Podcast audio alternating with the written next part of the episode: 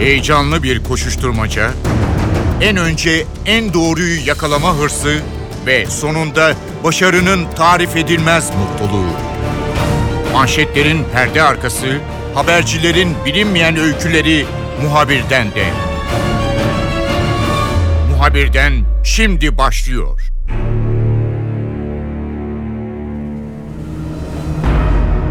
Cumhurbaşkanlığı hükümet sistemi yaşama geçti. Ardından da meclise gerekli düzenlemelerin yapılması gerekiyordu ve yeni yasama dönemiyle birlikte yeni sistemin mecliste çalışmalarına başladı. Tabii mecliste çok farklı bir yapı söz konusu. Çok sayıda parti mecliste şu an kendisini temsil ediyor. Bir yandan meclisin iş düzünün değişmesi gerekiyor. Yasalar çıkacak. Bu yeni denge ve yapı içerisinde meclis çalışmalarını sürdürecek. Yeni meclisteki yeni düzen ne ifade ediyor? Önümüzdeki dönemde hangi gelişmeler yaşanabilir? Tüm bu konuları Hürriyet Gazetesi Parlamento Şefi Nuray Babacan'la konuşacağız. Muhabirden başlıyor. Ben Kemal Yurteri.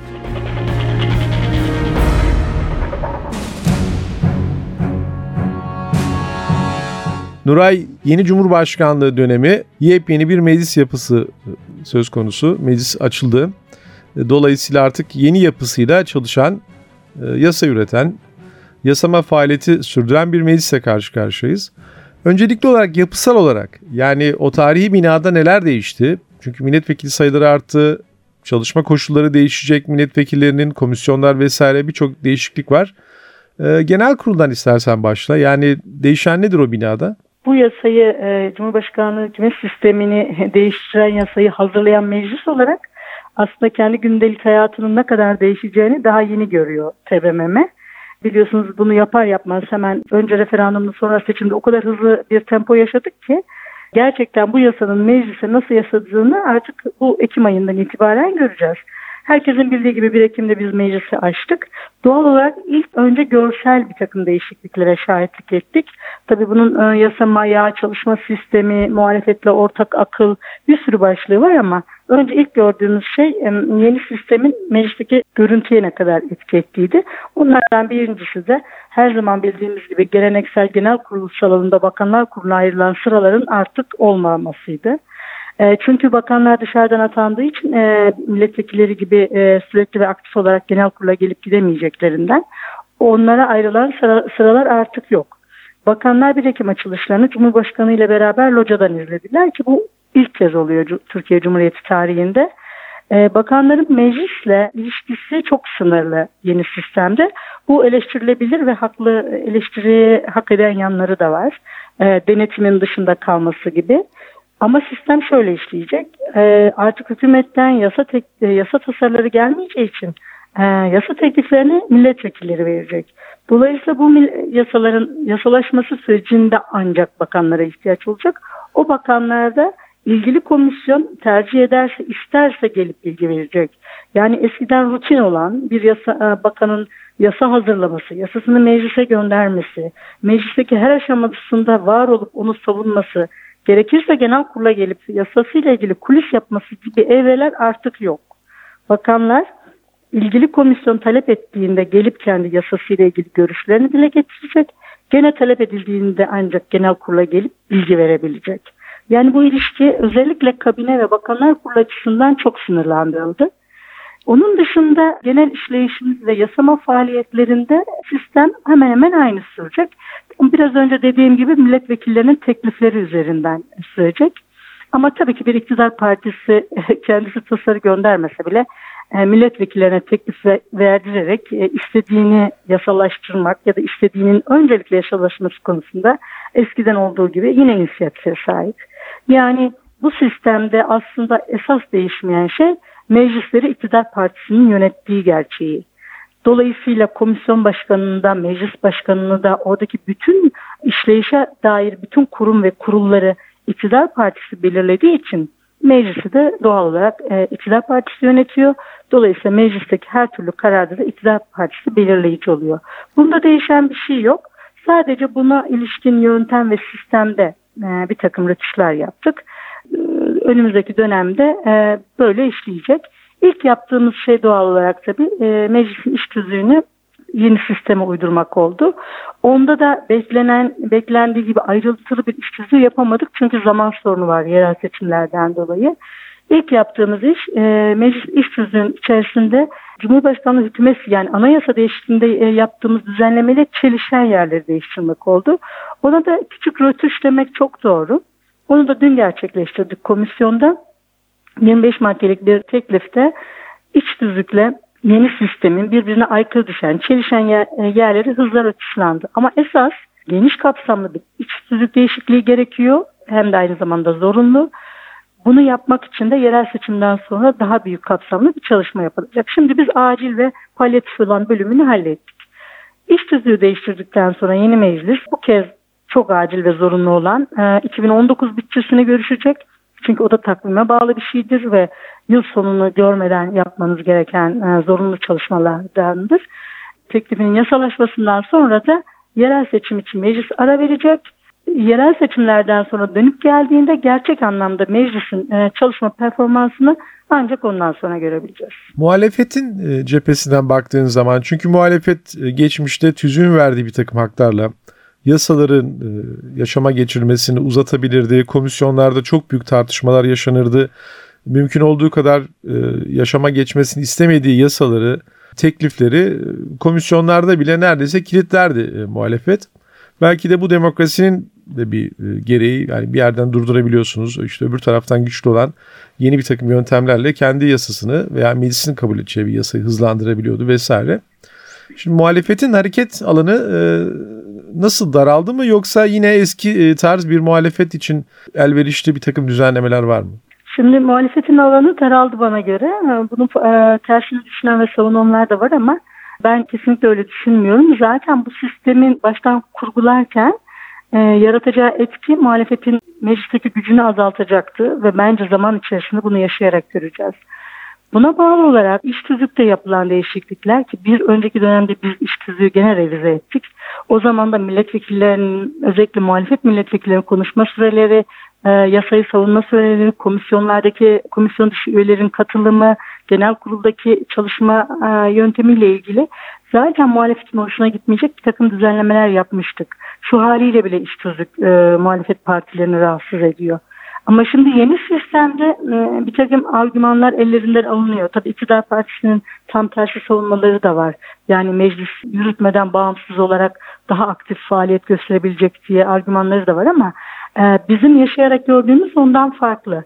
Şimdi yeni dönemde de biliyorsunuz komisyonlarımızın komisyon başkanlıkları bir önceki dönemden daha güçlü olacak. Yasayı şekil veren ve yönlendiren kişiler olacak diye bir plan yapılıyor. Yani e, öyle olacağı öngörülüyor. Henüz yaşamadığımız için bilmiyoruz.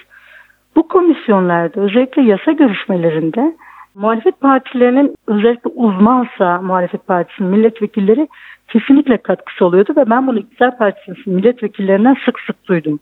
Yani olaya doğru bakan, e, background olan muhalefet bir yasanın daha iyi yapılması ve iktidarın yanlışa düşmesini engellenmesi konusunda çok katkı sağlıyor.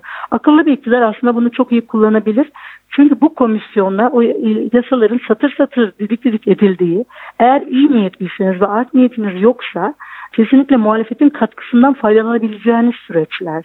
Bu mantıkla bakılabilirse işe bu komisyon süreçlerinde hem muhalefetin katkısından alınabilir hem iktidar kendisini yanlışa düşme ihtimali ve riskini azaltabilir. Tabii istiyorsa bunu. Şimdi biz onu yaşayarak göreceğiz. Yani yeni sistemin komisyonu nasıl çalışıyor? Yeni sistemin yasasına gerçekten bir e, katkı e, muhalefetin ortak akılla bir katkısı alınıyor mu? Yoksa alınmıyor eskiden olduğu gibi e, her şey bir biçimde kotarılacak ve kılıfına mı uydurulacak? Bütün bunları yaşayarak göreceğiz. Çünkü en aktif yaşanarak yeni sistemin, yeni hükümet sisteminin aktif olarak yaşanıp görüleceği tek yer meclis yasamasından, yasaların geliş biçiminden, onların e, muhalefetle paylaşılmasından, ortak aklın ya da uzlaşmanın aran, aranmayacağından bunu önümüzdeki günlerde göreceğiz. Dediğim gibi şimdi araya zorunlu bir takım programlar girdiği için önce bütçe arkasından yerel seçim e, molası e, görmek için biraz zamana ihtiyacımız var ama yaşarken de bunun ne kadar işlediğini ya da işlemediğini yerel seçimlerden sonra görme imkanımız olacak. Nuray tabii çok ilginç bir meclis yapısıyla karşı karşıyayız. Ee, seçimler öncesinde veya bu başkanlık sistemiyle beraber e, parti sayısının e, azalma ihtimali vardı. Tabi parti sayısının azalması derken meclise temsil edilen, e, meclise girebilen parti sayısının azalması. Ancak çok farklı bir tablo karşı karşıya. Yani işte Turgut Özal'ın zamanında söylediği işte iki buçuk parti kalır vesaire gibi bir takım öngörülerin neredeyse gerçekleşeceği söyleniyordu. Çok işte bir ana parti, bir muhalefet partisi, belki arada bir parti daha.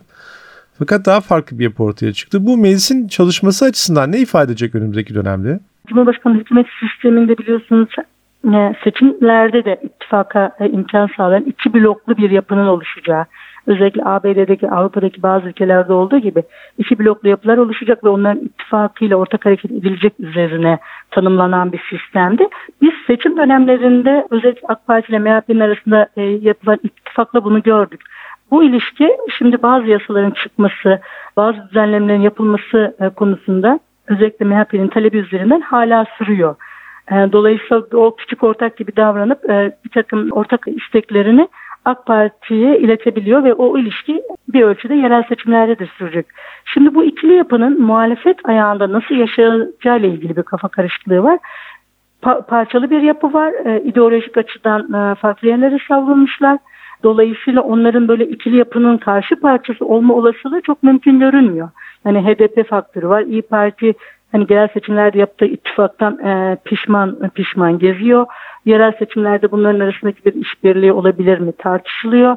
Ve bu üçlü yapı meclisteki çalışmalarda özellikle muhalefet edip ortak hareket ederek e, yasaların istedikleri gibi çıkarılması ya da engellenmesi konusunda bir ortak akıl ortaya koyabilirler mi?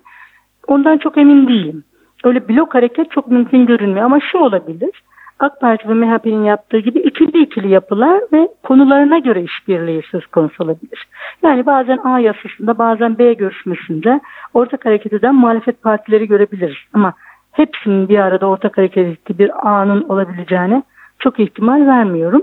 Tabii bir de şu ayağı var. Evet bu yaşanarak görülecek ama meclis dışında da e, yasamanın kararnamelerle aslında Cumhurbaşkanı tarafından sürdürüldüğü bir alan var. Artık bunu görmemiz gerekecek. Çünkü şöyle biz anayasada yasa konusu olan şeyler kararnameyle düzenlenemez ifadesini koymamıza rağmen Cumhurbaşkanı çıkardığı bazı kararnamelerin meclisin aslında işlevini ve görevini üstlendiğine ilişkin bir tartışma var muhalefette. Yani bir yetki aşımı olduğu iddiasını ediyor muhalefet zaman zaman e, kararnamelerin konusunun aslında meclise getirilerek yasa teklifi olarak yasa teklifi görüşülmesi gerektiğini söylüyor. Biz önümüzdeki günlerde böyle bir tartışmayı da yaşayacağız. Yani bu meclisin yetkisinde, bu meclisin yetkisi dışında ya da Cumhurbaşkanı'nın çıkardığı kararname, yaptığı düzenleme aslında yasamanın görevi şeklinde tartışmalara da tanık olacağız. Bu da yeni sistemin getirdiği yeni bir başlık olacak. Onlar da yani nasıl e, kotarılacak ya da nasıl şekil alacak zaman içerisinde yaşayacağız. Nuray peki önümüzdeki dönemde hangi düzenlemeler var meclisin gündemine gelmesi beklenen? Daha doğrusu geçmiş yasama döneminde de e, gündemde olan bazı konular vardı. Bunlar e, yaşama geçilemedi herhalde kadük oldu. E, meclis kendi tüzüğüyle biraz bugünlerde uğraşıyor. E, ondan sonra e, var mı çok genel ilgilendiren veya gündeme Şimdi şöyle gelmesi? biliyorsunuz bir af tartışması var deve dişi gibi. Bu tabii meclisin önceki döneminden kalan falan bir şey değil. Siyasetin e, meclise taşıdığı bir şey bu. MHP'nin talebi. Ama tabii ondan önce şey söylemek isterim. İş tüzüğün hemen ardından Kalkınma Bankası'nın yasası değiştirilecek hemen. Kalkınma Bankası'nın yapısı değiştiriliyor. Kredi verme gücünü arttıran bir altyapı oluşturan bir yasal düzenlemesi var. Hemen onu görüşeceğiz. Arkasından bütçeyi görüşeceğiz. Biraz önce söylediğim için yerel seçimler için ara vereceğiz. O aradan sonra ancak meclisin gündeminden bahsedebiliriz. O arada e, tabii bu e, af yeniden af tartışması ya da işte ceza indirimi herkes başka bir şey söylüyor. O, o siyasette bolca konuşulmaya ve tartışmaya devam edecek. İktidar partisinin pozisyonu o konuda hiç net değil. Kafaları karışık ve çok tercih ediyor görünmüyorlar. Ama MHP ile olan ilişkilerinden dolayı buna zorlanabilirler. O zaman da bir ara formülle dar kapsamlı, kısıtlı ve sınırlı bir düzenlemeye razı olabilirler e, günün sonunda. Bütün bunları yaşayarak göreceğiz. Bir de ekonomik kriz ve ekonomik sorunların giderilmesiyle ilgili bir takım yapısal değişikliklerin gerektiği sık sık dile getiriliyor ilgili bakanlar tarafından. Onunla ilgili de bir takım düzenlemeler meclisin gündemine, ekonomi başlıklı düzenlemeler meclisin gündemine oluşturabilir.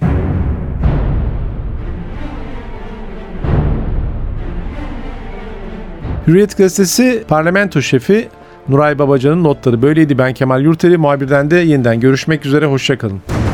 Haber için değil de haberin hikayesi için şimdi onlara kulak verme zamanı. Muhabirden NTV Radyo'da.